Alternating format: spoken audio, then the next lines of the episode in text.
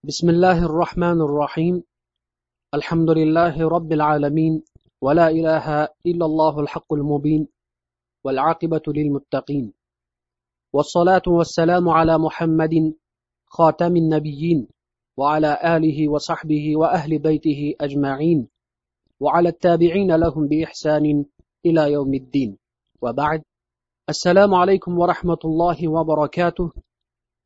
Hurmatli mo'min birodarlar bu shamoili muhammadiyadan bo'layotgan darsimizning o'n ikkinchi qismi bo'lib bu darsimizda payg'ambar sollallohu alayhi vasallamning idomlari haqida kelgan bobni nihoyasiga yetkazamiz inshaalloh bir yuz oltmish to'qqizinchi hadis قال حدثنا محمد بن بشار قال حدثنا مسلم بن إبراهيم قال حدثنا أبان بن يزيد عن قتادة عن شهر بن حوشب عن أبي أبيدة قال طبخت للنبي صلى الله عليه وسلم قدرا وقد كان يعجبه الذراع فناولته الذراع ثم قال ناولني الذراع فناولته ثم قال ناولني الذراع فقلت يا رسول الله وكم للشاة من ذراع؟ فقال والذي نفسي بيده لو سكت لناولتني الذراع ما دعوت bu hadis abu ubayda roziyallohu anhudan rivoyat qilinadi aytadilar payg'ambar sollallohu alayhi vasallamga ovqat pishirib berdim. U zotga go'shtning qo'l qismi yoqar edi. Men qo'l go'shtini olib berdim. So'ng yana qo'l go'shtini so'radilar. Men darhol olib berdim. Keyin yana so'ragan edilar men aytdimki yo rasululloh sollallohu alayhi vasallam qo'yning nechta qo'li bo'ladi? U zot jonim uning qo'lida bo'lgan zotga qasamki agar bunday demaganingda qancha so'rasam shuncha qo'l olib berarding dedilar.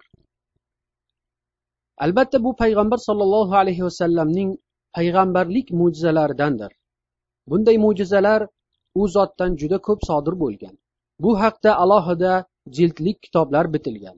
Masalan imomi bayhaqiy daloili nubuva deb nomlab mana shunday mo'jizalarni jamlagan kitob ta'lif qilganlar u zotdan boshqa bir qancha ulamolar ham bu borada kitoblar ta'lif etdilar bir yuz yetmishinchi hadis قال حدثنا الحسن بن محمد الزعفراني قال حدثنا يحيى بن عباد عن فليح بن سليمان قال حدثنا رجل من بني عباد يقال له عبد الوهاب ابن يحيى بن عباد عن عبد الله بن الزبير عن عائشة رضي الله عنها قالت ما كان الذراع أحب اللحم إلى رسول الله صلى الله عليه وسلم ولكنه كان لا يجد اللحم إلا غبا وكان يعجل إليها لأنها أعجلها نضجا.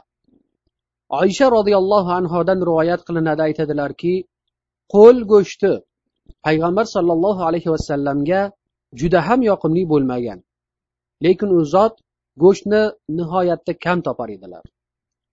Va qo'l go'shtiga qiziqishlarining sababi chunki u juda tez pishadi.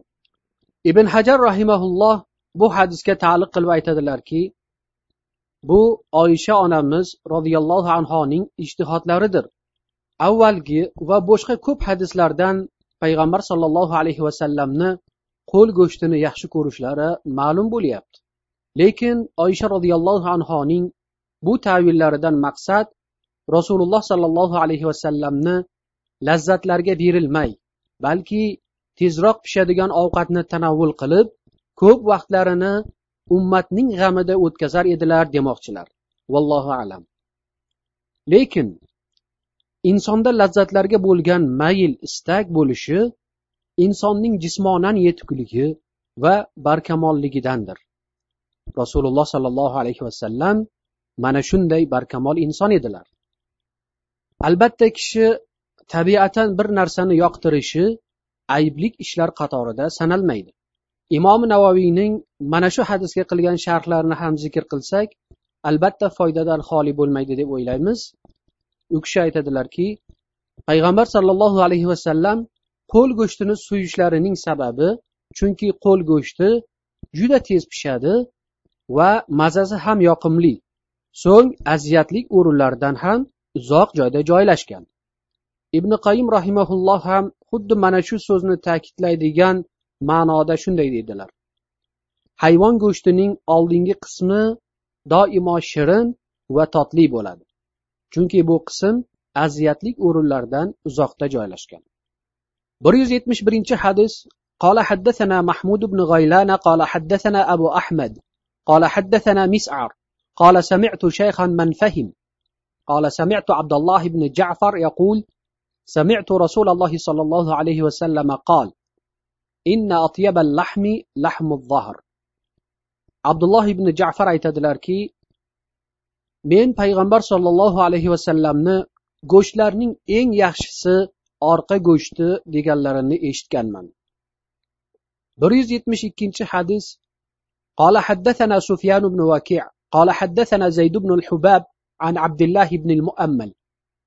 قال حدثنا زيد بن الحباب عن عبد الله بن المؤمل عن ابن أبي مليكة عن عائشة رضي الله عنها أن النبي قال نعم الإدام الخل صلى الله عليه وسلم.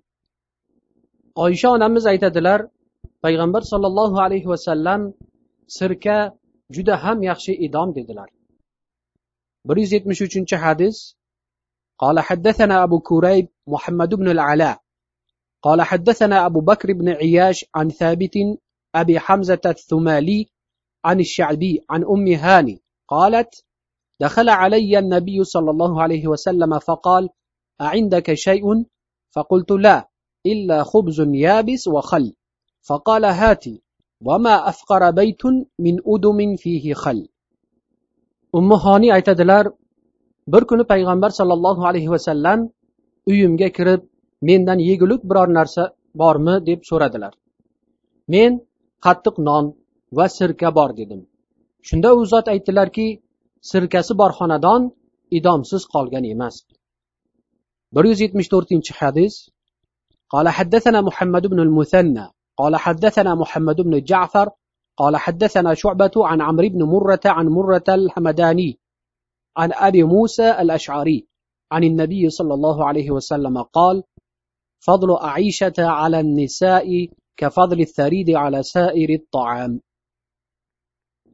abu muso al ashariydan rivoyat qilinadi aytadilarki payg'ambar sollallohu alayhi vasallam oyishaning boshqa ayollardan afzalligi saridning boshqa taomlardan afzalligidaydir dedilar.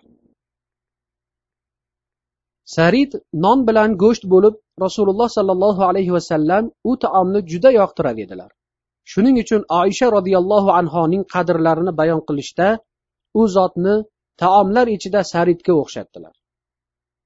Bu hadisdan oysha onamizni payg'ambar sollallohu alayhi vasallam naqadar hurmat qilishlari ma'lum bo'lib oysha onamizni taqvo sohibi ekanliklari ham ayon bo'ladi chunki payg'ambar sollallohu alayhi vasallam taqvodorlarni suyar edilar bir yuz yetmish beshinchi hadis قال حدثنا علي بن حجر قال حدثنا إسماعيل بن جعفر قال حدثنا عبد الله بن عبد الحمد بن معمر الأنصاري أبو طوالة أنه سمع أنس بن مالك يقول قال رسول الله صلى الله عليه وسلم فضل عائشة على النساء كفضل الثريد على سائر الطعام. بن مالك تن روايات قلنادي bu hadis ham avvalgi hadisning o'zginasi bir yuz yetmish oltinchi hadis قال حدثنا قتيبة بن سعيد. قال حدثنا عبد العزيز بن محمد عن سهيل بن أبي صالح. عن أبيه عن أبي هريرة رضي الله عنه أنه رأى رسول الله صلى الله عليه وسلم توضأ من أكل ثور أقط ثم رآه أكل من كتف شاة ثم صلى ولم يتوضأ أبو هريرة رضي الله عنه دان روايات قلنادي uzot payg'ambar sollallohu alayhi vasallamni quritilgan pishloq bo'lagini yeb so'ngra qo'y qo'lining go'shtidan yeb tahoratni yangilamay namoz o'qiganliklarini ko'rgan ekanlar bir yuz yetmish yettinchi hadis qola haddathana ibn abi umar قال حدثنا سفيان بن عيينة عن وائل بن داود عن ابنه وهو بكر بن وائل عن الزهري. عن عنس بن مالك قال أولما رسول الله صلى الله عليه وسلم على صفية بتمر وسويق. أنس بن مالك يتدلر رسول الله صلى الله عليه وسلم صفية رضي الله عنها هرما وطلقان بلن ولمقلب مقلب بيرغان g'alima to'y uchun beriladigan ziyofat payg'ambar sollallohu alayhi vasallam haybar yerini fath qilib bo'lgach u yerdan madinaga qaytayotib yo'lda sofiya onamizni nikohlariga oladilarda va xurmo va tolqon bilan g'alima qilib beradilar. Boshqa hadislarda kelishicha rasululloh sollallohu alayhi vasallam o'sha kuni kimdan nima bo'lsa sufraga olib kelsin degan ekanlar. Sufra teridan bo'lgan dasturxon. keyin odamlar nimalar bo'lsa o'rtaga qo'yib birgalikda baham ko'radilar ya'ni payg'ambar sollallohu alayhi vasallam nihoyatda kamtarona yengil to'y qilgan ekanlar chunki u zotning orzu havaslari oxirat edi bir yuz yetmish sakkizinchi hadis قال حدثنا الحسين بن محمد البصري قال حدثنا الفضيل بن سليمان قال حدثني فائد بن مولى عبيد الله بن علي بن أبي رافع مولى رسول الله صلى الله عليه وسلم قال حدثني عبيد الله بن علي عن جدته سلمى أن الحسن بن علي وابن عباس وابن جعفر أتوها فقالوا لها اصنعي لنا طعاما مما كان يعجب رسول الله صلى الله عليه وسلم ويحسن أكله. فقالت يا بني لا تشتهيه اليوم. قال بلى اصنعيه لنا. قال فقامت فأخذت شيئا من الشعير فطحنته ثم جعلته في قدر وصبت عليه شيئا من زيت ودقت الفلفل والتوابل فقربته إليهم. فقالت هذا مما كان يعجب النبي ويحسن أكله. صلى الله عليه وسلم. ubaydulloh ibn ali buvilardan rivoyat qiladilar hasan ibn ali ibn abbos va ibn jafar u ayolni oldilariga kelib u ayoldan bizga rasululloh sollallohu alayhi vasallam yoqtirib yeydigan ovqat pishirib bering deyishadi. Shunda u ayol ey o'g'lim sen u ovqatni hozir yeya olmaysan dedilar. Yo'q yeyman pishirib bering ayol o'rnidan turib ozgina arpa olib uni tuydi. So'ng uni qozonga solib ustidan yog' quydi. Keyin qalampir va zirovor narsalarni maydalab ularga taomni keltirdida mana shu ovqat rasululloh sollallohu alayhi vasallamga yoqar edi uni ishtaho bilan yer edilar dedi bir yuz yetmish to'qqizinchi hadis قال حدثنا محمود بن غيلان قال حدثنا أبو أحمد قال حدثنا سفيان عن الأسود بن قيس النبيح الأنزي عن جابر بن عبد الله قال أتانا النبي في منزلنا فذبحنا له شاة فقال كأنما علموا أن نحب اللحم وفي الحديث قصة jobir ibn abdulloh aytadilar payg'ambar sollallohu alayhi vasallam bizni uyimizga keldilar biz u zot uchun qo'y so'ydik shunda aytdilarki bizni go'shtni yaxshi ko'rishimizni bilganga o'xshaydilar bu xonadon sohiblari roviy hadisda anchagina qissa bor edi deydilar Lekin bu yerda qisqartirib rivoyat qilingan. bir yuz saksoninchi hadis قال حدثنا ابن أبي عمر قال حدثنا سفيان قال حدثنا عبد الله بن محمد بن عقيل أنه سمع جابرا قال سفيان وحدثنا محمد بن المنكدر عن جابر قال خرج رسول الله صلى الله عليه وسلم وأنا معه فدخل على امرأة من الأنصار فذبحت له شاة فأكل منها وأتته بقناع من رطب فأكل منه ثم توضأ للظهر وصلى ثم انصرف فأتته بعلالة من علالة الشاة فأكل ثم صلى العصر ولم يتوضأ jobir roziyallohu anhu aytadilar rasululloh sollallohu alayhi vasallam bilan birga ansorlardan bir ayolnikiga bordik u ayol payg'ambar sollallohu alayhi vasallamga qo'y so'yib berdi payg'ambar alayhissalom undan yedilar. So'ng bir savatchada yangi pishgan xurmo olib keldi. Undan ham tanovul qilib so'ng peshin namozi uchun tahorat qildilar.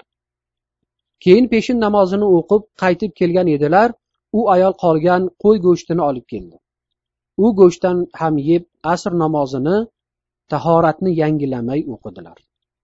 Bu hadis o'tda pishirilgan go'shtni iste'mol qilgandan keyin tahorat qilish lozim emasligiga dalildir. bir yuz sakson birinchi hadis قال حدثنا العباس بن محمد الدوري قال حدثنا يونس بن محمد قال حدثنا فليح بن سليمان عن عثمان بن عبد الرحمن عن يعقوب بن أبي يعقوب عن أم المنذر قالت دخل علي رسول الله صلى الله عليه وسلم ومعه علي ولنا دوال معلقة قالت فجعل رسول الله صلى الله عليه وسلم يأكل وعلي معه يأكل. فقال رسول الله صلى الله عليه وسلم لعلي مه يا علي فإنك ناقه. قالت فجلس علي والنبي يأكل. قالت فجعلت لهم سلقا وشعيرا. فقال رسول الله صلى الله عليه وسلم لعلي من هذا فأصب فإنه أوفق لك. Umi munzir roziyallohu anhodan rivoyat qilinadi aytadilar rasululloh sollallohu alayhi vasallam ali bilan birga menga mehmon bo'ldilar. Bizda xurmoning g'o'rasi shoxi bilan sindirib olib uyga osib qo'yilgan edi. Payg'ambar sollallohu alayhi vasallam undan tanovul qila boshladilar. Ali ham birgalikda yeya boshladi. Shunda rasululloh sollallohu alayhi vasallam aliga to'xta ey ali sen endigina kasallikdan chiqding dedilar ali yeyishni bas qildi payg'ambar sollallohu alayhi vasallam esa davom etdilar keyin men ularga otquloq va arpadan ovqat tayyorlab berdim rasululloh sollallohu alayhi vasallam aliga mana bundan olsang bo'ladi chunki u senga juda munosib dedilar bir yuz sakson ikkinchi hadis قال حدثنا محمود بن غيلان قال حدثنا بشر بن السري عن سفيان عن طلحة بن يحيى عن عائشة بنت طلحة عن عائشة أم المؤمنين رضي الله عنها قالت كان النبي يأتيني فيقول أعندك غداء؟ فأقول لا. قالت فيقول إني صائم. قالت فأتانا يوما فقلت يا رسول الله إنه أهديت لنا هدية. قال وما هي؟ قلت حيس قال أما إني أصبحت صائما. قالت ثم أكل. Bu hadis oysha roziyallohu anhudan rivoyat qilinadi. Aytadilarki payg'ambar sollallohu alayhi vasallam menikiga kelib tushlikka biror narsa bormi deb so'rar edilar. Men yo'q desam u zot unday bo'lsa men ro'zaman der edilar. Bir kuni kelib qolgan edilar men yo rasululloh sollallohu alayhi vasallam bizga hadya keldi dedim. U zot u nima ekan? dedilar. Men hes dedim. Lekin men ro'zaga niyat qilgan edimda deb so'ng yedilar. Hesning sharhida mulla ali qoriy u sariq yog' va pishloq qo'shilgan xurmo. Gohida pishloq o'rniga un ham qo'shiladi. So'ng aralashtiriladi deydilar. Bu hadisdan nafl ro'zaga kunduzi ham niyat qilish joizligi chiqadi. Agar kishi hali hech narsa tanovul qilmagan bo'lsa. Bir yuz sakson uchinchi hadis قال حدثنا عبد الله بن عبد الرحمن قال حدثنا عمر بن حفص بن غياث قال حدثنا أبي عن محمد بن أبي يحيى الأسلمي عن يزيد بن أبي أمية الأعور عن يوسف بن عبد الله بن سلام قال رأيت النبي أخذ كسرة من خبز الشعير فوضع عليها تمرة ثم قال هذه إدام هذه. فأكل. يوسف بن عبد السلام aytadilar men payg'ambar sollallohu alayhi vasallamni arpa nonidan bir burda olib unga xurmo qo'shganlarini ko'rganman so'ng bu mana buning idomidir deb yegan edilar bir yuz sakson to'rtinchi hadis قال حدثنا عبد الله بن عبد الرحمن قال حدثنا سعيد بن سليمة عن عباد بن العوام عن حميد عن أنس بن مالك أن رسول الله صلى الله عليه وسلم كان يعجبه الثفل قال عبد الله يعني ما بقي من الطعام anas ibn molik aytadilarki payg'ambar sollallohu alayhi vasallamga sufl yoqar edi roviy abdulloh aytadilarki sufl taomdan qolganidir hanafiy aytadilar sufl qozonda yoki tovoqdagi ovqatning qoldig'i ya'ni payg'ambar sollallohu alayhi vasallam juda kamtarona hayot kechirib so'ng isrofgarchilikka chek qo'ygan inson edilar. Qani endi bizlar ham u zotning izlaridan borib mana shunday axloqlarni o'zimizda mujassam qilsak edi. Alloh taolo kamchilik va nuqsonlarimizni o'zi afu etsin. Va sallallohu vasallam ala nabiyina muhammad va ala alihi va sahbihi ajmain.